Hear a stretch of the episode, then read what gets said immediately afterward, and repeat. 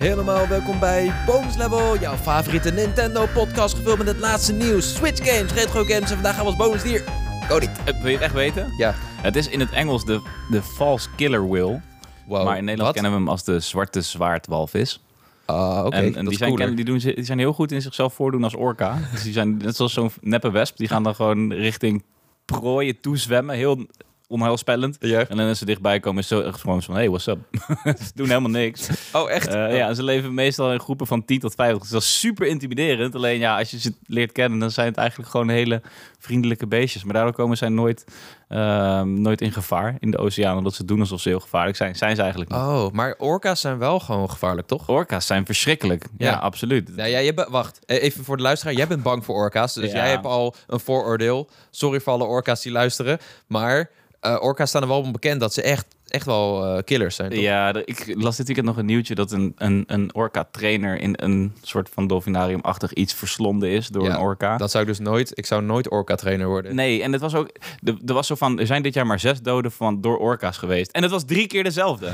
Echt? Ja, drie keer die gast die. Nou ja, dus dan denk ik van. Dan ben je dus ook niet goed wijs als je daar even een kopje thee mee gaat drinken. Maar nee, ja, weet je, het is die, die, die zwarte zwaardwalvis ziet er nog ook best wel dreigend uit. Want als hij zijn mond open doet, heeft hij dus. Tanden. In ja, in tegenstelling tot Oh. veel eh, walvissen, heeft hij hele scherpe tanden. Wauw, Dus eh, zo ongevaarlijk is die ook weer niet. Oké, Kennelijk. Cool. Nou, eh shout-out naar de zwarte zwaardwalvis. En welkom bij Bonus Level aflevering 194. Eh, dit is misschien een beetje een, een iets andere aflevering dan je van ons gewend bent. We gaan namelijk eh, on- over ons jaar praten, onze persoonlijke hoogtepunten. En dat is ja, misschien een beetje gek, maar het is ook een beetje om ons iets beter te leren kennen. En ook omdat wij het gewoon heel leuk vinden om over onszelf te praten. Ja, Cody. is dat de reden dat ik een podcast doe? Misschien wel. Misschien wel. En we zijn ook. Ik vind het zeer- minder leuk om naar mezelf te luisteren trouwens. dat vind ik wel echt lastig soms. Ik had, ik had de podcast van eh, Willy Wartaal en eh Vice Freddy geluisterd van de jeugd. Die en die kortjes. zeiden ook van, ja, wij vinden het ontzettend leuk om over onszelf te praten. En we zijn super dankbaar dat zoveel mensen naar ons luisteren. Ja. En dit dacht ik, fuck, dat doen wij ook altijd. Maar ik vind het nog steeds raar dat zoveel mensen naar ons luisteren. Maar goed, dit, hey, ik bedoel, whatever floats your boat. Dat bedoel ik. ja, nee, maar kijk, eh, mensen vragen wel eens aan ons. we zitten natuurlijk in de Discord en Ja. daar delen we soms ook wel eens wat persoonlijkere dingen. En eh, kijk, ik heb persoonlijk een erg leuk jaar gehad. En we- de- soms hebben we gewoon geen tijd om dat echt te vertellen in de podcast. En ja, vandaar deze aflevering. Nee, het is ook niet zeg maar meer wat bonus level is nu. Hè. Het is wel wat bonus level ooit is geweest. Toen we begonnen met Lucas waren afleveringen bijna drie uur. Als je nu luistert en je denkt, wow, dat is overdreven. Nee, is letterlijk wat we deden. Ja, we namen pauze pauzes nodig. tijdens de podcast. Dat we gewoon, dat, dat je gewoon weer een broodje te kanen.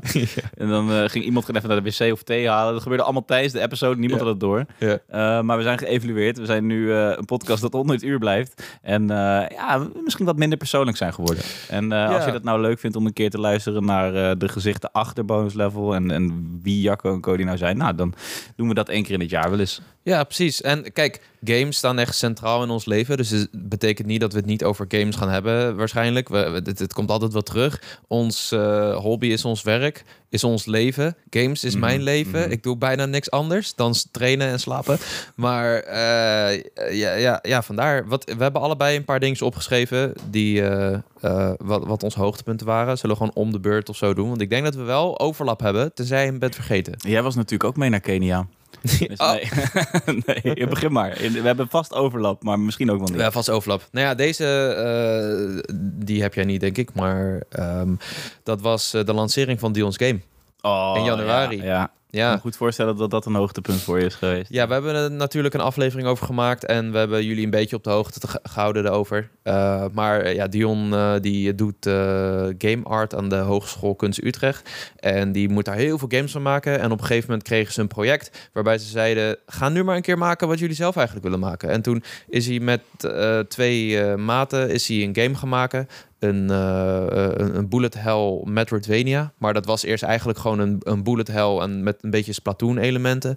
Eh, dat je, je schiet dan en je maakt plassen bloed. En dan kon je net zo'n Splatoon daarin zwemmen en eh ontwijken. Wat uiteindelijk geschrapt is uit de game, toch? Dat is geschrapt, ja. Ja. ja. Zo'n zo'n key element van de conceptfase. En dat is uiteindelijk helemaal niet meer nodig gebleven. Ja, en dan zie je ook maar hoe, hoeveel je eigenlijk moet bouwen en testen in een game. En dan Ja. om erachter te komen dat het eigenlijk niet werkt. En, uh, maar ik vond het zo mooi om dat van begin tot eind mee te hebben gemaakt. Want Mhm. wij praten heel veel over games. En ik heb hier ook mijn favorieten over geschreven in, voor gamer.nl. Ehm, wij praten heel veel over videogames. We doen alsof we er heel veel van weten. Maar eigenlijk weten we niet wat er allemaal komt kijken bij het ontwikkelen van een game. En je hebt natuurlijk heel veel verschillende soorten games en heel veel verschillende soorten niveaus. Maar dit was eigenlijk de eerste keer. En ik heb natuurlijk wel vaker. Ik, was, ik ben de QA-department van Dion's. van Dion's Je bent alle testers en Ja, QA. Ja, en eh, naambedenker. Maar eh, het was de eerste keer dat ik dacht van... wauw, daar komt zoveel Wacht bij even, heb jij. Bloody Hell bedacht? Ehm, weet ik niet. Volgens mij hadden we daar nog een meningsverschil over. Want ik heb hem wel genoemd, maar het schijnt dat iemand anders hem ook wel had genoemd. Dan zou je wel royalties moeten krijgen. Ja. Oh nee, wacht. Nee, dat, Dat dat, is een gratis spel. ja, het is een gratis spel natuurlijk. Eh, ik sta wel in de credits ergens. En ik vond het lastig ook dit jaar om zo eh, over Bloody Hell te praten. Want ja, wij, dat is heel, wij staan zo aan de andere kant. Ja. En ik kan niet zeg maar op gamer.nl daar een review van laten schrijven. Want dat slaat nergens op. Dat is altijd biased, hoe dan ook. Want degene Mhm. die de review schrijft, die denkt... oh, wat moet Jacco wel niet denken als ik deze game een 1 geef. Ja. Dus, eh, eh, maar het, het was on- ontzettend vet om mee te maken. En ehm, ja, het- ik voelde me ook echt wel trots dit jaar om eh, te zien wat er met de game gebeurde. Want het is niet zomaar een game die door een paar mensen is gespeeld. Hij is echt gewoon gaan vliegen op Steam. En dat vond ik zo bizar om te zien. Hij, hij, Nog steeds is dat bizar. ja, Als ik, als ik Dion spreek, en ik spreek hem natuurlijk een stuk minder dan jij... En het gaat heel even over, want zo beginnen onze gesprekken vaak over Bloody Hell. Ja. En eh, elke keer dat nummer dat hij dan weer dropt over hoeveel die gedownload is of hoe vaak de trailer bekijken is. Ja. Ja, dan moet je je broek echt vasthouden. In- inmiddels mag ik het niet meer zeggen, want eh, dat is ook eh, een beetje een onderhandelingsmechaniek, heb ik gehoord, van indie developers. Die Hmm. gaan dan naar Game Pass en dan kunnen ze een klein, klein beetje erover liegen. Ja, dat, dat schijnt echt te gebeuren. Maar ze hadden toen een expositie op de HKU en daar was ik toen, ik, was, ik voelde me best wel ziek dit jaar, ook een beetje een rode draad, maar ik was daar toch naartoe gegaan en ik was zo blij dat ik dat had gedaan, want ik zag allemaal mensen daar omheen staan, mensen die hem probeerden uit te spelen. Ik, ik had hem bijna uitgespeeld daar iedereen dacht, wow, deze guy is fucking goed. ik ben fucking slecht in dit soort games, maar ik had gewoon veel geoefend. Eh, en toen kwam die uit, man. En toen was het gewoon in de open. En mensen zijn zo bruut als het gaat om reviews. Ze maken je game helemaal kapot. Maar alles was positief. Ze hadden gewoon een, een, een 99% positieve rating. Volgens mij staan ze nu op 98%. Het staat in de, als je kijkt op Steam DB, staan ze ergens nog op plek 26 met de best beoordeelde Steam games. Ehm, dus ja, ik, ik, ik ben biased, maar ik vind het ook een, gewoon een, goede game. Het is, het is gepolijst, er zitten weinig bugs in. Eh, het is eh, het, bullet hell en het Metroidvania zie je niet vaak. Dat komt goed samen. De mechanics werken leuk. Eh, maar ik heb gewoon ook een hele hoop geleerd van wat formules nou doen. Met, met een, een, een grappling hook. Hoe dan een, een vijand over het scherm verplaatst. Of hoe je nou van die kleine trucjes toepast. Waardoor een game lekker voelt. We hebben het altijd over gevoel in games. Mhm. En eh, daar ben ik ook wat meer over te weten gekomen. En gewoon wat andere contentmakers doen met die game. Gewoon eh mods maken, eh, Mhm. speedrunnen op virtuele YouTube. map of zo'n dynamische map direct. eh Een dynamische map. Eh, op eh, Summer Games dan Quick. 73.000 man gelijktijdig hebben naar die game zitten Oh. kijken. Eh, Oei, mensen in de chat van, oh, is dit gratis? Dan zie, dan zie je ook weer op Steam dat er echt een sikke piek komt in mensen Ja. die hem dan eh, downloaden. Eh, en het opent deuren, want hij is dus stage gaan lopen bij een ander bedrijf. Ehm, en daar heeft hij eh, best wel veel bij mogen dragen aan eh AK Solotl. Een, Mhm. een game met een axolotl en een AK. Iets minder goed ontvangen. Iets minder goed vang, maar eh, op, op zich nogal. Volgens mij kreeg hij een 7 of zo gemiddeld op eh oh, Metacritic. En eh, ik heb ook gehoord dat hij het eh, tegen verwachting in ook best wel goed eh, heeft gedaan, financieel gezien. Oké. Ehm, maar dat, dat moment dat wij, ik, daar was jij bij volgens mij, Cody, dat wij op Gamescom liepen en ik Dion bij een stand zag staan, een volwaardige stand op Met zijn met Gamescom. zijn game dev haar. Met zijn game dev haar. En wij er als media liepen, toen dacht ik, wauw, dit is eigenlijk fucking onwerkelijk. Dat Ja. wij nu al, weet je, we, zijn, we doen het allebei nog niet zo heel lang. Dion is Mhm. nog fucking student. Dat hij daar met een game staat en ik hier met, met mijn platform en we elkaar tegenkomen, denk ik echt Mhm. van, ja, dit is echt, hier kunnen we een boek over schrijven. Ja, absoluut. Ik bedoel, hoe bizar is het sowieso al dat iemand kan werken in de game-industrie in Nederland. Dat is Ja. wel best bijzonder. En voor je ouders geldt dat ze eh, twee zoons hebben die allebei hun geld verdienen met games. En echt op Ja. compleet andere manier. Dat is Ik, echt heel indie. het- ik bedoel, hij heeft geen mega monster hit gescoord. Hij is niet miljonair geworden of zo. Maar ik, ik weet je, ik was fucking trots dit jaar. Dus dat, Hij had een miljonair kunnen zijn. nee, maar, nee, maar in alle opzichten eh, heel bijzonder. En Ja. ik sta er wat verder vanaf, maar eh, ik spreek ook wel redelijk wat met Dion in dat opzicht. En eh, hele leuke, interessante gesprekken.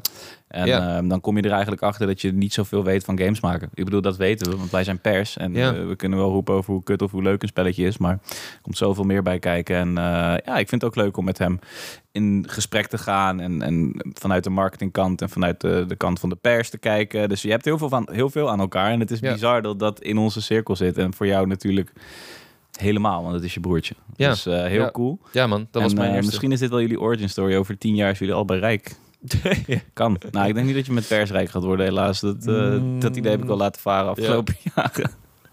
Oké, Ja. mijn, eh, mijn hoogtepunt. Ja, ik, ik bedoel, ik, ik vond het lastig, want stel maar eens hoogtepunten op van je jaar. Mijn actieve geheugen, dat gaat meestal maar twee weken Ja, terug. de- deze aflevering nemen we iets spontaner op. Eh, dus we hadden ons niet heel lang voorbereid. Al had ik het wel mogen. Maar misschien is dat maar beter ook. Want Ja. ik bedoel, het is een, eh, het is een, een bonus, bonus level. Eh, dus ik heb eh, als, als eerste hoogtepunt, ja, heel cliché, maar toch reizen staan. Ik ben ehm, vroeger tot mijn, nou laat ik zeggen, gewoon tot ik thuis woonde, ging ik naar eh, heel veel landen. Ik heb echt eh, voor mijn gevoel de hele wereld al gezien. Maar toen ik student werd, was dat eigenlijk een beetje gestagneerd. Ja. Stopte dat eigenlijk een beetje. Voor meerdere redenen. Ik bedoel, A, ik was niet zo heel comfortable met alleen zijn Ja, dat vond ik misschien dat is misschien de grootste uitdaging daarin geweest. Eh, en met alleen zijn bedoel ik niet dat ik dan alleen op vakantie zou gaan of ga backpacken of zo. Heb ik inmiddels ook gedaan. Niet alleen, maar ehm, meer gewoon jezelf buiten je comfortzone gooien. Dat is Ja. wel iets waar ik eh, steeds meer tegenaan liep als student. Het is natuurlijk ook een beetje een cliché.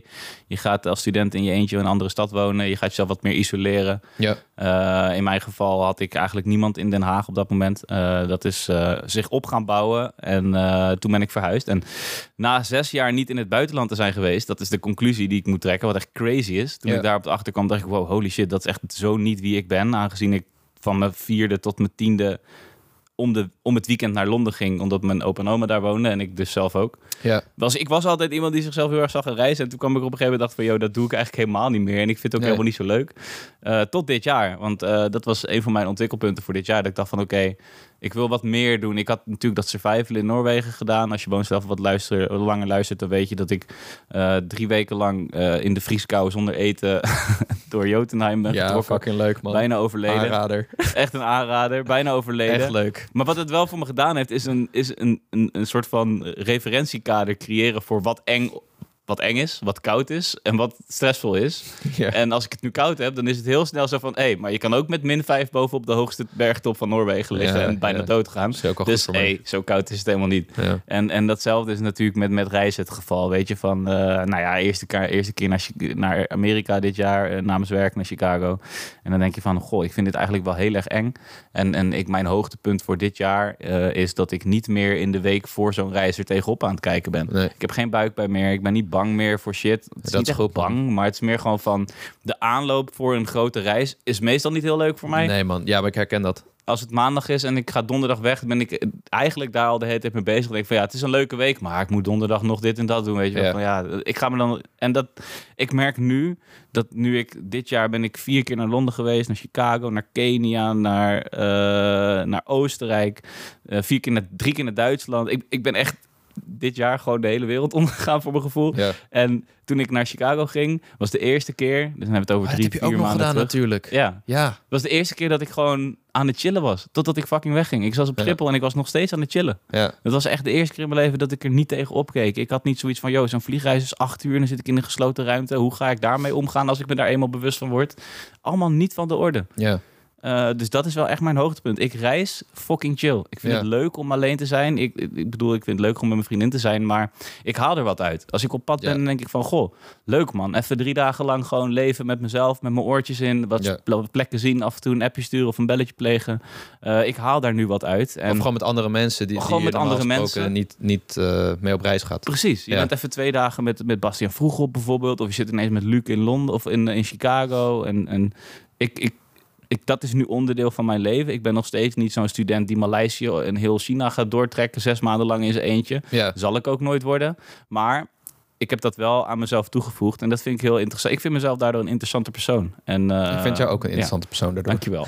dus dat is mijn hoogtepunt. Ik reizen, maar dan de achterliggende gedachte erbij dat ik me daar helemaal chill voor vond. En eh, ge- stuur mij twee dagen naar Londen. I'll be having a great time. Met wie Snap ik ook man.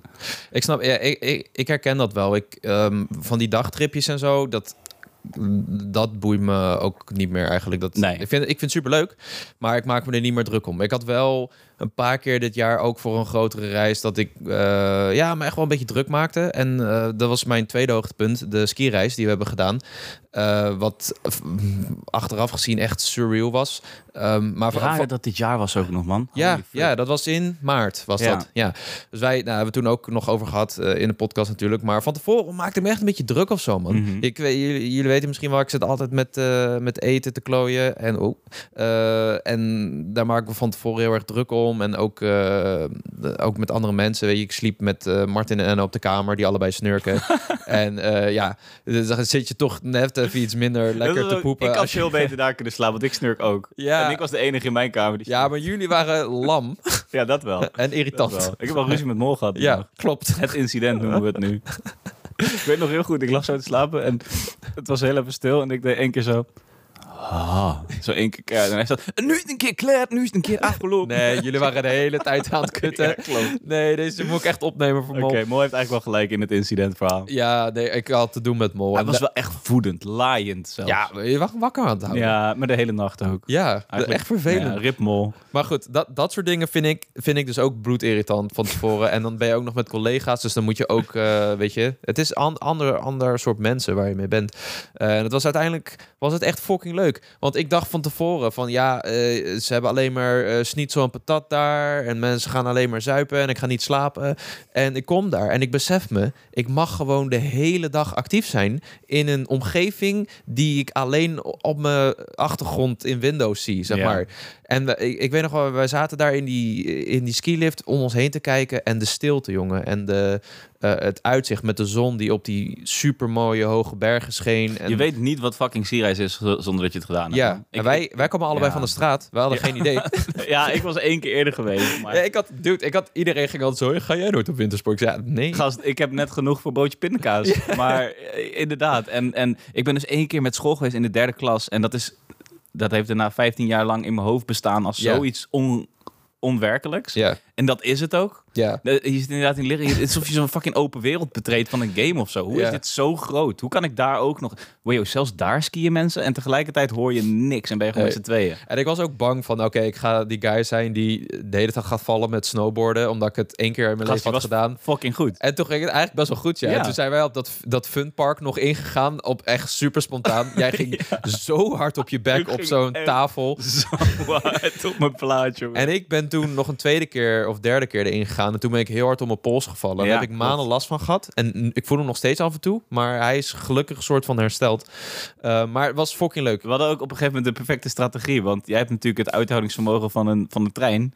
En, Ja, en ik ik kan heel goed skiën, zo ja. Dus ik, ik ging gewoon, ik ging alvast. En dan gewoon totdat ik fysiek kapot was. En dan kreeg ik even een minuutje om zo bij te ademen. Dan ging ik even liggen. Dan zag ik zo in de verte ik zo een paars truitje naar beneden. Zo heel, ja, heel normaal naar beneden op zijn snowboard. En dan was ik weer bijgekomen. Ik kon er weer door. Ja, Dus op die manier hoefde jij nooit pauze te houden. En ging Klopt, ik niet ja. kapot. dat ja, was wel fijn. Dat was perfect. Andere mensen die moesten de hele tijd pauzeren. En daar werd ik op een gegeven moment wel een beetje moe van. Ja, maar wij bleven gaan ook. Wij zijn gewoon, we hebben geen moment gestopt. En elke keer vielen de mensen af totdat we letterlijk met z'n tweeën waren. Dus ja, nee, skireis is fantastisch. prachtig. Als je ooit de kans hebt in je leven en het kost fucking veel geld. We hebben toen een duur. kleine rekensom gemaakt. Het is absurd, maar het is wel echt iets wat ik... Een van de allerleukste dingen die ik ooit heb gedaan. Ja, dus eh, eh, hoogtepunt eh, nummer twee was dat voor mij. Cool. Ehm, even kijken. Ik heb een aantal dingen opgeschreven die, waarvan ik nu naar kijk en denk van ja, is dat een hoogtepunt of is dat gewoon persoonlijke ontwikkeling? Namelijk bijvoorbeeld, ik ben best wel blij dat wij niet meer de new guys zijn per se of zo. Ik vond dat best wel een lastige positie. Oud worden.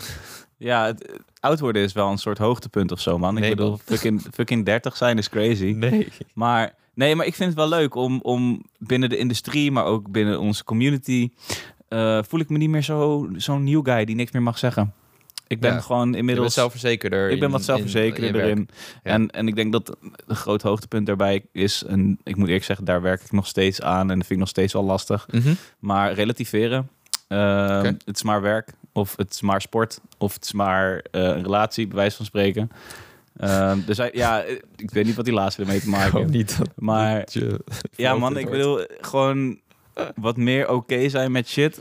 Eh, zoals Ja. bijvoorbeeld werkdruk en zo. En, en ook dat wij tegen onszelf durven zeggen of kunnen zeggen van... joh, we hebben deze week zo fucking hard gewerkt. Het is goed als we nu even een uurtje, uur, eer- uurtje eerder stoppen. Ja.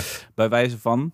ehm what the fuck? Ja, daar gaat, gaat hier naast de een muziek spelen. Maar, nee, maar dat vind ik wel een hoogtepunt. Dat ik dat, eh, dat, ik dat wat beter kan ah, relativeren. maar dat is En- goed, man. En een onderdeel daarvan is dus ook bijvoorbeeld vriendschappen onderhouden. Je wordt ouder en ehm, ja, je komt van een vriendengroep van 40 man, Ja. althans ik.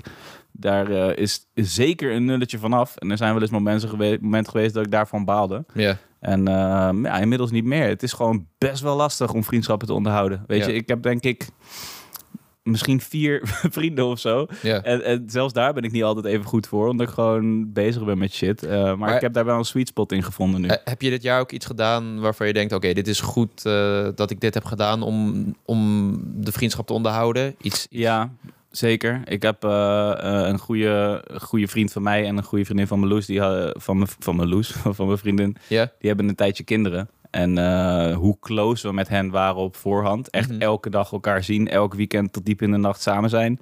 Naar je ziet hun leven drastisch veranderen. Ja. En er was een jaar lang dat we eigenlijk gewoon nauwelijks moeite daarvoor deden. Of allebei de kanten niet, omdat je gewoon anders bezig bent. En eh, daar hebben we een, wel een sweet spot in gevonden. Dat we nog Nice. steeds kunnen chillen op een oude manier. Maar dat er nou eenmaal ook eh, mensen doorgaan. En dat, dat helpt je ook bij je eigen ontwikkeling. Dat je denkt van, hé, hey, je kan dus gewoon kids nemen zonder dat je hele leven weggaat. Ja. Dat is wel, eh, dat is wel iets interessants waar ik nu veel meer voor open sta dan, eh, dan misschien twee jaar terug of zo. Ja, dat is een goeie man. Ik, eh, ik heb best wel veel vrienden, denk ik. Maar ik ben dit jaar niet... ik, ik had beter mijn best kunnen doen om alles te onderhouden, denk ik. ik dit jaar was zo ramvol dat ik echt... Ik, ik vond het zo lastig om alles te managen, zeg maar. Ja. Maar dat, ja, maar dat is dus heel normaal eigenlijk. Ja, En, en misschien is het soms ook moeilijk om te realiseren dat wanneer je dus allebei die moeite niet meer doet, dat kan twee kanten op gaan. Of je groeit gewoon uit elkaar. ja. Het kan ook zo zijn dat je elkaar alleen op een verjaardag ziet één keer in het jaar en dat het dan nog steeds cool is. En dan is dat je relatie. Is En dat ook zo, Dat ja. is veel meer te accepteren, vind ik, nu ik wat ouder ben. Is ook zo, ja. Maar het liefst zie ik andere mensen nog wat vaker. En dat is ook een praktisch ding, want eh, ik heb nog steeds mijn rijbewijs niet. Hey, hier zat ik vorig jaar ook. Volgend jaar hoogtepunt. Ja, januari. 26 januari, jongens. Niet op de weg, alsjeblieft. Nee, blijf thuis. Blijf Echt, thuis. co- Code geel. Ja, maar dat zou het zo... Het zou het zoveel makkelijker maken als ik even in de auto kon stappen. Ja. Nu moet ik altijd op de fiets of met die pleuristrein die me Hmm. vandaag weer heeft genaaid. Dus dat, dat, is, dat is ook altijd een drempel. Ehm, dus ja, dat is, eh, dat, dat is lastig. Maar ik vind het wel een goede, eh, een, een goed hoogtepunt wat je noemt. Ehm, ik heb als volgende een, eh, een, een, van mijn reizen. eh, een paar reizen. Een van je Parijzen. Wie is er meer naar, ben jij meer naar Parijs geweest of ik meer naar Londen dit jaar? Ehm, Waarom ga jij nooit naar Londen en ik nooit naar Parijs? Oh, wacht, je Ik ben was ook Londen in Londen geweest. Ja, ik ben twee keer in Parijs geweest dit jaar. Eén keer voor een eh, Paris Games Week en één Oh, ja. keer eh, zelf. Maar ik had dus Parijs dus nog nooit ontdekt eh, zelf. En Je hebt eh, het nu over je privéreis naar ja, Parijs. ja, Ja, dat is veel leuker ook, ja. ja, maar omdat ik al- per strips, ik ben er echt heel vaak geweest, maar nog nooit een keer kunnen ontdekken. Eh, en dit was zo chill. Dit was zo fijn. En het was ook een van de eerste verre reizen die ik met mijn vriendin deed. En ehm, dat. Verre reizen, Parijs is letterlijk om de hoek. Nee, nou oké. Ik snap wat je bedoelt. Een van de eerste Citytrip. eh, city trips. Ja. En van tevoren, ik weet niet of jij dat ook had met je vriendin, maar ehm, van tevoren dacht ik wel van, ah kut, je weet nooit wat er zeg maar precies gaat gebeuren. Eh, je, weet, je weet nooit hoe mensen zijn op vakantie of zo. Mm. Maar het was allemaal zo chill. Mhm. Zeg maar, zo, zo'n bevestiging dat je eigenlijk precies hetzelfde bent op, op- in dat soort situaties. en zo goed met elkaar gaat. is ook anders dan een, een, een vakantie dan je misschien met een vriendengroep doet. Of misschien eh, met, met, met een iets groter gezelschap. Als je echt met Ja. z'n tweeën, met je partner, een citytrip gaat maken. Waarin de dagbesteding met elkaar zijn is. Ja. Ja, dat, is wel, eh, dat is wel intens. En dat Ja. is, dat kan het mooiste gevoel in de wereld zijn. Waarvan ik gelukkig ben dat ik dat heb. Want ik heb dat ook met mijn vriendin. eh, Ja. Bijvoorbeeld Londen dit jaar drie dagen. Nou, was gewoon, ik denk de mooiste week uit, eh, uit dit jaar voor mij. Ja. En als jij die bevestiging daarmee hebt gekregen met je huidige relatie, dan zou ik zeggen dat het absoluut een hoogtepunt is. Ja, nee, het was fucking chill. En weet je, het is ook gewoon... ik slaap nooit zo heel laat. En de, de, de hele dag eh, loop je, loop je de pleuris. En dan s'avonds ja, zijn we niet echt type dat het heel lang uitgaat of zo. Dan drinken we alleen wat en dan gingen we Moana kijken. Ja, maar dit is toch En dan, fantastisch? dan is het de race van wie als eerste zegt... ja, ik ben echt heel erg moe. Ik kan mijn ogen niet meer open houden. En eh, ja, dat, dat, dat soort dingen zijn chill. En eh, Parijs is ook gewoon echt een prachtige stad om, om Ja. zoiets te doen. De gebouwen daar zijn insane en ook veel gevarieerder... dan de standaard kerken die je altijd hebt in elke Tuurlijk. grote stad. Ik bedoel, welke stad heeft meer invloeden gehad dan Parijs? Ja, het is echt, echt ontzettend, eh, ontzettend mooi. En ook de, de musea daar en het Louvre. ehm, Wat ik trouwens wel grappig vind, is jouw anekdote net met dat je dan Moana opzet en gaat slapen. Ja, ik herken dat wel. Maar als je, als je in de gezonde relatie zit, dan Ja. bij mij betekent dat dat we na een dag stappen niet ergens uit eten gaan, maar gewoon een Big Mac klappen in onze hotelkamer. Weet je, dat is dan, dan zitten wij allebei van, ja, we kunnen daar en daar uit eten. En dan zien we zo'n, zo'n weet ik veel, Five Guys en zo. Is van, hé, we kunnen luisteren. ja, dan zit je allebei elkaar af te tasten van, is dit oké als we dit doen? Zijn we dan nog steeds romantisch? ja Maar, ik- eh, ja, dat is gewoon nice. daarom. Ja, ik heb dat dit jaar voor het eerst wel echt eh, ervaren, dat soort dingen. Dus dat was, eh, dat was chill. Dat was echt een hoogtepunt. Nice. Ja, ik had eh, mijn Londen tripje met mijn vriendin er ook bij staan. Maar goed, dat is bij het reizen. Dat wordt bij het reizen. Ik Ja, maar je, hebt nog niet over. Kenia verteld. Nee, ja. misschien bewaar je dat voor het laatste. Nou ja, ik, ik wil wel graag over Kenia Ja, vertellen. vertel, want, man. Want als reizen spannend is, dan is door een derde wereldland heen trekken met een, eh, vind ik zelf, knappe vriendin. Witte, knappe vriendin. Ja. Wel spannend op voorhand. Ja. Je, ik bedoel, eh, ik heb vaak het idee als ik in Amsterdam met haar loop dat er een attractie ontstaat. Omdat mensen allemaal aan het nakijken zijn en zo. Dat vind ik verschrikkelijk. Daar ben ik me weer meer bewust van geworden naarmate ik eh, wat ouder ben. Ja. Nou, ik kan vertellen, dat is in Afrika, nou, dan heb, ja, dat gebeurt wel. Ja. En ehm, ik vond Ja. dat wel spannend op voorhand. En dat Ja. is gewoon niet nodig geweest. Nee. Eh, ondanks je echt in een onveilige buurt te komen en je hoort soms echt gewoon fucking gunshots en zo. Ja. Dan denk je echt van, eh, oké, dit is wel heel spannend. Ik was op het vliegveld terug, werd er nog geschoten. En dan, eh, ja, dan... dan Echt? Ja. Jezus. Dan voel je je heel erg onveilig, maar tegelijkertijd ook weer niet, omdat je zoveel schoons hebt kunnen beschouwen daar.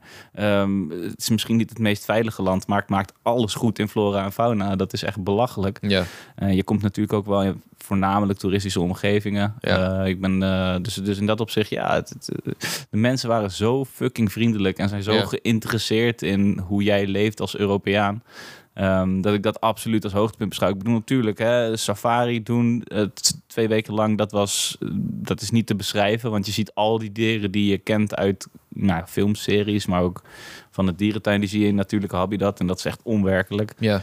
Eh, als er gewoon een wilde cheetah langs je loopt en die geen fuck geeft over dat jij in een open busje ernaast staat. Weet je, hij kan je zo nakken als hij wil. Hij staat op één meter, maar nee, hij geeft geen fuck. Sick. Een, een, een, een, eh, een, een groep met leeuwen, een pride zeg maar met leeuwen die gewoon gesplitst langs je autootje langskomt en je nog net niet aankijkt. Dan zeg je, yo, what's up? Want ze zijn Ja. gewoon chill. Ze hebben zoiets van, oké, deze mensen komen hier even kijken. Wij gaan gewoon door met ons leven. Dus je bent zo erg in die... Je bent zo erg in het wild. Je bent in een, in een natuurdocumentaire. Ja. En je ziet alleen maar dieren en soms een ander jeepje. Eh, dat went niet. En dat, eh, dat gevoel, als ik soms foto's terugkijk nu van die Afrika-trip, vooral in eh, de latere locaties, zoals Samburu, dat was een reservaat wat, wat, wat zuidelijker lag. Ja. Ja, dat, dat, dat is niet te beschrijven, man.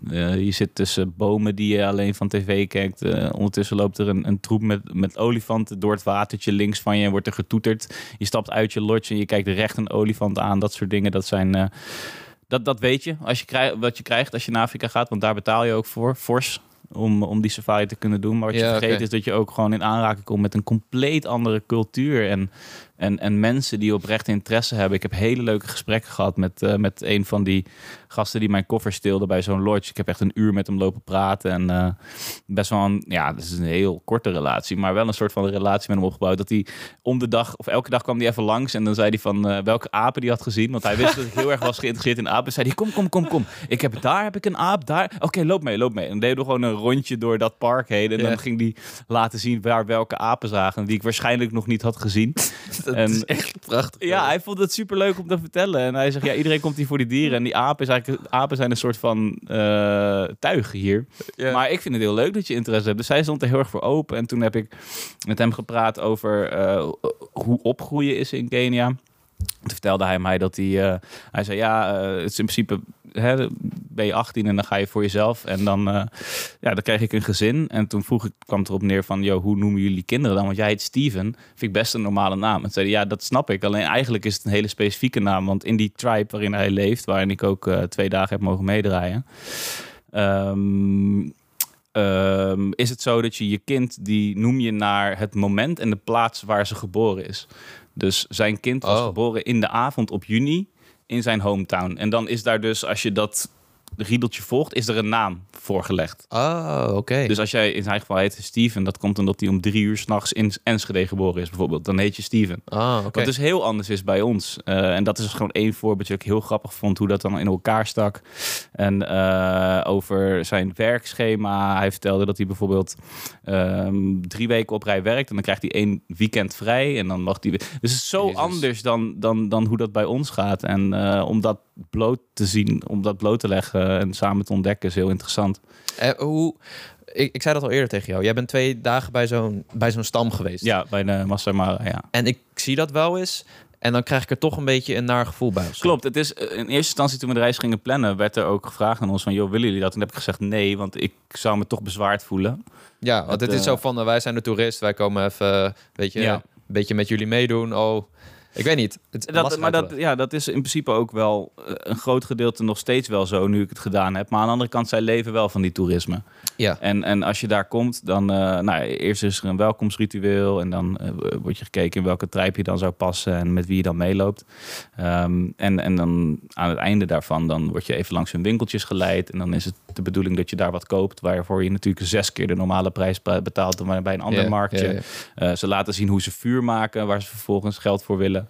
Ja. Dus je, je bent wel echt een vrij directe bron van inkomsten. En je ziet ook aan hen dat zij het heel erg leuk vinden en heel erg interessant vinden om, om met, eh, met jou in gesprek te gaan. En, en eh, ze verdienen er goed aan. Ja, dus het, het is, zij zien het ook wel een beetje als een attractie. Het maar is- ze, ze doen wel, ze Kijk, verdienen eraan. Kijk, eh, die tribe waarin ik zat en in het dorpje waarin ik leefde, dat was de voorkant daarvan. Ja, Dus er, Ja, zit, precies. er, zit, er zit ook nog wel wat, wat. Het was heel authentiek. Maar ik denk als je daadwerkelijk daar zou wonen, dat het er nog wel iets anders aan toe gaat. ja. Dus het is wel een beetje. eh, ja. Het, je bent gewoon hun aan het helpen. Ja. En, en bijvoorbeeld als je dat, dat, dat leeuwtje dat zij uit hout gesneden hebben gaat kopen bij de markt, waar zij wel aan verkopen. Zij maken er misschien 30 of zo en die verkopen ze Ja. dan aan die souvenirwinkels. Ja, Daar verdienen ze een stuk minder op dan wanneer ze het direct aan jou verkopen. Dus ja er zit zeker wel een win-win in. En eh, ik kreeg absoluut niet het idee van die jongens die ik daar heb ontmoet... dat zij het, eh, dat zij het op die manier... Want ze schamen zich ook helemaal niet voor. En, en die trijpleider, diegene die ons rond... Die, die studeerde ook gewoon om chirurg te worden. Dus die is door de week is die in Nairobi... en dan in het weekend is hij terug in zijn tribe om, eh, om daarbij te helpen. En die, hij, hij deed dus die rondleiding, want hij spreekt vloeiend Engels daardoor. Ja. Eh, ze vertelde mij, die jongens daar, die wat jonger waren... die hadden het, eh, die hadden het hele... Eentje kwam en zei... You look like Matthijs de Licht. ik zeg, Matthijs, ik zeg, heb je ooit in de spiegel gekeken? ik lijk niet op Matthijs. Jawel, liet hij zo'n foto's zien van Matthijs de Licht, hield zo naast mijn hoofd. Toen dacht ik van, oké, ik denk van alle Nederlanders ooit lijkt het minst op Matthijs de Licht. En toen dacht ik, maar wacht even, ze kennen Matthijs de Licht wel. Dus ik op een gegeven moment van, yo, eh, kijken jullie voetbal dan? Dus ik ja, ja, wat wij doen is, we gaan elk weekend lopen we 10 kilometer. Dan gaan we naar de enige tv in het dorp. En dan gaan we Arsenal kijken met z'n allemaal. Mega grote Arsenal-fans. Volgens heb ik gewoon twee uur lang over de huidige situatie van, het, van Arsenal gesproken. En had ik het idee van, wow, wacht, weet ik minder over voetbal dan deze gasten? In Nederland weet ik het meeste. fucking voetbal. Elke week. En fantastisch dat ze het vinden. Dus ja, het is voor hen natuurlijk ook allemaal relatief. Hè? Dit is gewoon, en, en kijk wat zij ervoor terugkrijgen. Zij mogen in de ochtend door Masai Mara heen lopen en foto's maken van leeuw. Want ze hebben ook allemaal gewoon een telefoontje en zo. ja, ja. Dus dit is, dit is wat zij willen. En, ehm, en, en die ervaring, nu wel heel erg specifiek op eh, in zo'n dorpje doorbrengen was. Maar heel Kenia zien. Weet je, je ziet ook die invloeden van. Het is natuurlijk ooit een Engelse kolonie geweest. ja. Dus eh, ik heb reclameborden gezien van, van mannen met hoge hoeden en loopstokken omdat ze een beetje daarin blijven zijn hangen. Ah. En Elke ochtend krijg je full English breakfast. Iedereen Ah. spreekt vloeiend Engels. Wat Dus eh, ja, het, het is, het is zo'n interessant land eh, in dat opzicht. En ik heb daar echt veel... eh, ik heb mijn ogen uitgekeken. En om zo lang door een Afrikaans land heen te trekken, dat was... eh, ja, ongelooflijk. Ik denk wel de mooiste reis die ik in mijn leven gemaakt heb. Ja, vet man. Heel mooi. Dus eh, ja, dat was een klein inkijkje in, eh, in Kenia. Ik heb nog wel één grappig verhaal. was, we Tell waren in, in, eh, bij zonsondergang waren we in een nationaal park. Ik weet nu even niet meer welke. Ja, En, en dan is het bekend dat de leeuwen op een gegeven moment gaan, gaat, gaat de, de groep met leeuwen gaat zich voorbereiden op de hunt. De hunt valt als de, licht, als de zon naar beneden gaat, dan gaan zij beginnen met hunten. En dat is ook het moment dat je uit dat natuurpark moet oprotten. Want hè, het moet wel gewoon, je mag daar niet in de nacht rondrijden. Dat mag alleen als het eh, door een eh, privaat eh, wordt geowned, zo'n park. Maar de meeste zijn gewoon van de, van de overheid. Ehm, dus wij, wij rijden, nou, laatste rondje, half uurtje. Weet je, dit is het moment dat, die, dat al die prides naar buiten komen. Dus dan ga je genieten, zoek je een mooie plek op. En op een gegeven moment, wij hebben een mooie plek. En jou hoor, daar komen dus die leeuwen langs. Eerst drie wat, wat ouderen, dan wat jongeren en dan nog een paar ouderen. En die, die gaan zo in die opstelling zitten. De Ja. welpen die worden naar rechts gezet, die mogen nog niet meejagen. Er gaat dan één moeder voor liggen en die lijkt wel of die instructies geeft. wow, sick. De sterkste jager die staat voorop. health. Eh, die, die gaat dan naar een neushoorn toe en die gaat hem een beetje porren. Was er ook een cameraploeg bij voor Nou, Lion ik was 3? er. Oh. ik was met mijn telefoon al aan het filmen. En, en die leeuwen die liggen dus in de opstelling. En, en ja hoor, de voorste die, die sprint naar een neushoorn toe. En dat is dan het teken voor de leeuwen aan, aan de linkerkant... dat die neushoorn waarschijnlijk naar links gaat lopen. Dus dan moeten zij hem opvangen. Weet je, dat is hoe Ja, zo'n ja, ja. hunt werkt. En ik ben helemaal aan het filmen en ik zie er diep in. En ineens, ineens roept mijn, geit, mijn gids, die roept... Hey! Ik zeg, ja, wel? Dus kijk maar Hij zegt, you cannot go in there. Dus ik zo... Hé, maar er is toch niemand van ons uit die auto gestapt? Ineens kijk ik naar een watertje. Tussen de leeuwen zitten twee eh, vrij corpulente Britse vrouwen gewoon te zwemmen. en die kijken ons echt aan. Hey! Ze zo, Lion, Lion next to you. En zo, oh ja, lekker. Hey! En wij zo, wat gebeurt hier Tering, nou? Dat is net als die ene video van die eh, mensen die uitstappen bij die safari. Ja, zij zaten gewoon te zwemmen in het water waar de leeuwen aan het drinken waren. Ja, maar en, en- dan verdient het ook om opgegeten te worden. ja, dat zei me die gids ook. En die zei van, nou ja, het is voor mij een lastige situatie, want dit is echt volstrekt illegaal. Ja, En, en die gids van die twee van de Britse vrouwen die aan het zwemmen waren in het water waar de leeuwen drinken, die, eh, als hij op de foto staat, dan is hij zijn baan kwijt. Want dat Ja. mag gewoon niet. Dus hij zegt van, ja, ik wil eigenlijk een foto maken en dat dan insturen, maar dan ben ik een snitch. En dan kom ik niet meer fijn bij al die plekjes. Want die gids die is negen dagen lang met jou. En elke lodge waar jij slaapt, slaapt hij ook. En is er een groep met chauffeurs. Ah, dus hij ja. wilde heel graag snitchen, maar hij durfde niet. En hij heeft echt de hele, Fuck. de hele trip lang bleef hij dat grapje ophalen. Zo van, you can also go swimming with the lions if you want. En dat was echt een van de raarste dingen die ik ooit heb meegemaakt. Die vrouwen waren helemaal chill. Ze waren zo trots. Terwijl iedereen echt zo van, jullie zijn echt fucking debiel." dom. Ja, dat zou ik echt nooit doen. Dus ja, mensen met geld zijn overal en iets minder dankbaar voor hun ervaring, heb ik idee soms. Ritten. nice. Ja, vet man. Eh, we kunnen nog wel eh, uren praten denk ik over Kenia. Ja, absoluut. Dat zal ik ook gedurende de komende jaren nog vast wel blijven doen. Maar dit was even een klein inkijkje over hoe het was. Het was echt een fantastische ervaring. En waarom hebben landen van die valuta die zo fucking hoog zijn, maar eigenlijk zo weinig waard zijn? Dat moet ik je stoppen. Ja, ja. Waarom betaal ik 10.000 eh Keniaanse schellingen en is dat eigenlijk een euro? ja. Is toch niet handig? Dat is bizar, I know. Ehm, ik, heb, eh, ik heb er nog twee, ik zal deze kort houden. Ik heb heel veel concerten gezien, dat was super vet dit jaar. Ik zit te denken wie ik allemaal heb gezien op mijn Instagram. Ik heb eh, Bruce Springsteen gezien. Ik heb eh Blink-182 gezien. Fallout Boy, eh Fall Out Boy, Beyoncé, eh, Pantera. Beyoncé inderdaad. Ehm, Jezus, ik heb er veel gezien, maar de vetste was denk ik Metallica. Dat was twee dagen en daar heb ik toen tickets voor gekocht voor twee dagen ook. Eh, en dat was echt absurd man, want ze hadden zo'n cirkelpodium en dan stonden we echt mega dichtbij. Gewoon helemaal vooraan praktisch. Ik heb nog nooit zo dichtbij een artiest gestaan en het was zo... eh, het was sowieso een fucking goed concert. Maar eh, wat, wat bizar was, is dat we... ehm, ben vergeten of de eerste of de tweede dag. Ja, de tweede dag. Het, wa- het, was, het was namelijk op Koningsdag, donderdag, vrijdag pauze. En toen zaterdag was het tweede concert. Gewoon met unieke nummers.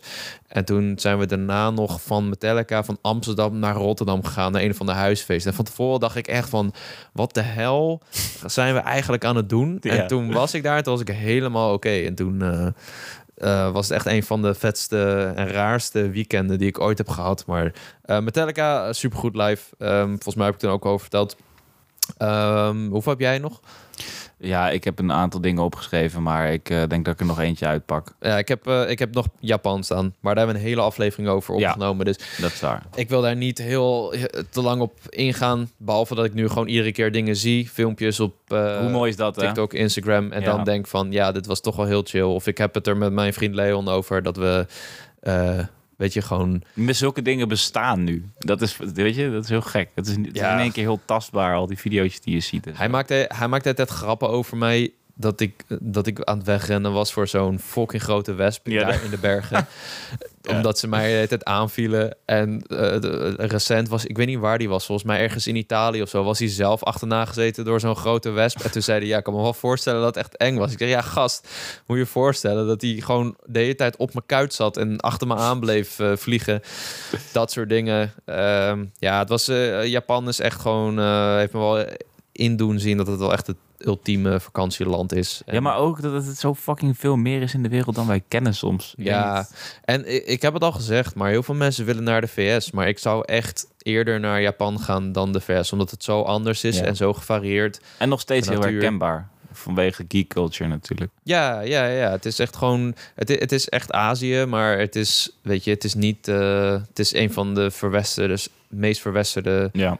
Aziatische landen. Dus het is niet alsof daar dingen vies zijn of zo. Of eh, het is, ja, het, het, het, het is gewoon een heel mooi en gevarieerd land. En eh, je kan daar hele mooie rondreizen maken. En eh, alles is net een beetje nerdy en heel erg georganiseerd. En eh, fucking prachtig. Gewoon de lucht is altijd blauw. En ja, bijvoorbeeld. ja. Er zijn ho- hele hoge bergen en er zijn fucking grote steden met shoppingmalls waarin je opeens een heel basketbalveld tegenkomt of een gigantische bioscoop. En ehm, ja, het Er is zit heel veel variatie in. Ja, Ja, dus dat we- is bijvoorbeeld iets wat je niet in Kenia krijgt, natuurlijk. Nee, nee, ja, dat, dat denk ik ook. En ehm, eh, luister vooral nog even de aflevering met Kelvin ook. Die heeft Ja. een aantal tips voor Japan. En wij hebben eentje toen ik eh, terugkwam opgenomen over Super Nintendo World. Wat ook een fucking hoogtepunt op zich Ik was. kan net zeggen, gast, de Eh. droom, je hebt hem waargemaakt. Maar ja, nu is de Donkey Kong Country er, dus nu moet je weer opnieuw. Ja, ja, ja. En eh, de Pokémon Centers natuurlijk. Dat was ook echt surreal Ja. om te zijn. Dat was echt een dat gevoel. Dat is echt een beschrijven. Ja. Dus ja, dat was denk ik mijn. Ja, kijk, ik, Chicago was heel erg dope. Ik, ondanks het echt werk was, het was echt werk. Het Ja. was niet echt een trip. Ik heb zoveel luxe... De cameramans vingers bloeden namelijk. Gewoon Ja. letterlijk na die drie dagen zoveel content hebben gemaakt. Maar eh, wat ik daaruit... Wat sowieso fantastisch. Maar wat ik nu heel erg heb, is... eh, ik, ik heb de Bear natuurlijk gezien wat in Chicago afspeelt. Ik kijk nu een andere serie. Shameless heet dat. Eh, dat is ook met, eh met Carmi van The Bear. Dat is een beetje zijn come-up. Hij is daar nog een kind, zeg maar. Oké, oké. Lip heet hij daar. Ehm, en dat is ook allemaal in Chicago. En ik herken alles nu, ondanks ik er zo kort ben geweest. En dat, dat is gewoon heel erg leuk, toch? Ook als je bijvoorbeeld gewoon een quiz, eh, een quiz speelt of zo. Dan is er van de... eh, eh, hoe ziet het nummerplate eruit van Illinois? Illinois. En dan, dat heb je dan gezien. Je Ja. weet dat nu. Dat is, ik vind dat zo cool. Om Ja. gewoon eh, na reizen heb je er nog zoveel meer aan. Weet je, de Keniaanse vlag is nu voor altijd bijzonder voor mij. Ik snap dat, man. Eh, en, en dat is gewoon leuk eh, om te doen. Ik heb eh, de Champions League was heel erg cool, vond ik. Twee wedstrijden van Feyenoord in de Champions League. Dat was, heb ik mijn hele leven lang al gewild. Oh, ja, daar was je live bij. Ja. Vet. Uitnodiging van PlayStation, dus shout-out PlayStation. Ehm, Shout-out Nintendo. maar, maar dat is, ja... Dat wilde ik mijn hele leven al. In 2018 lukte het niet, omdat die kaarten gewoon door het dak heen gingen. En nu zat ik gewoon fucking op een van de beste plekken van het stadion. ja. Op uitnodiging naar Feyenoord te kijken. Nou, dat, is wel, nou, dat was wel een hoogtepunt. Dat Ja. was wel echt een hoogtepunt om dat gedaan te kunnen hebben. Eh, en, en dan een hoogtepunt was de kerstboom opzetten. Dat is de laatste. GTA had ik ook nog opgeschreven, maar daar hebben we het vorige week over gehad. Ja. Maar ik heb dit weekend de kerstboom opgezet. En ehm, dat deed ik na wat borreltjes op te hebben gehad. Waarom? Eh, omdat, ik weet niet, het was zo van... Fuck, het is bijna kerst. Eigenlijk moeten we die boom opzetten. Ja, maar is dat nu wel handig? Ik zeg, ja, maar als we het nu niet doen... dan hebben we weer een weekend zonder kerstboom. Dan hebben we nog maar twee. Het was van, ja, ik heb eigenlijk wel gelijk. Oké, laten we het doen. En toen heb ik vervolgens echt in één grote roes... heb ik die kerstboom opgezet. En ik kwam het volgende ochtend beneden. Ik keek naar die boom. Ik dacht, godverdomme, wat ziet die er mooi uit. Hè? wat een prachtige boom. Dus eh, ja, als je Nice. ooit niet zin hebt om je kerstboom op te, op te tuigen... dan moet je misschien een, een bier drinken van tevoren. Dan is het kennelijk heel erg leuk. En, Dat vind ik een goede tip. en een deze kerst. Ja. Nice. En nog even shout-out eh, naar eh, alle afleveringen die we dit jaar hebben gemaakt, man. Met alle gasten. Ja, Ik, eh, man. We hebben heel veel leuke gasten Zo. gehad deze week. Ik Wat was jouw favoriete? Niet gast, dat, maar ik bedoel aflevering. Dus niet zeg maar fa- favoriete gast als Dion of zo, maar... ehm, nou, die- ja, ja ik, ik vond die met Dion heel vet en met Junette. Ja. Die, die vond ik allebei heel vet. En ik denk ook dat, ehm, dat we trots mogen zijn op de Zelda review. Die met eh, Ron en Bastiaan. Die was gewoon heel erg goed.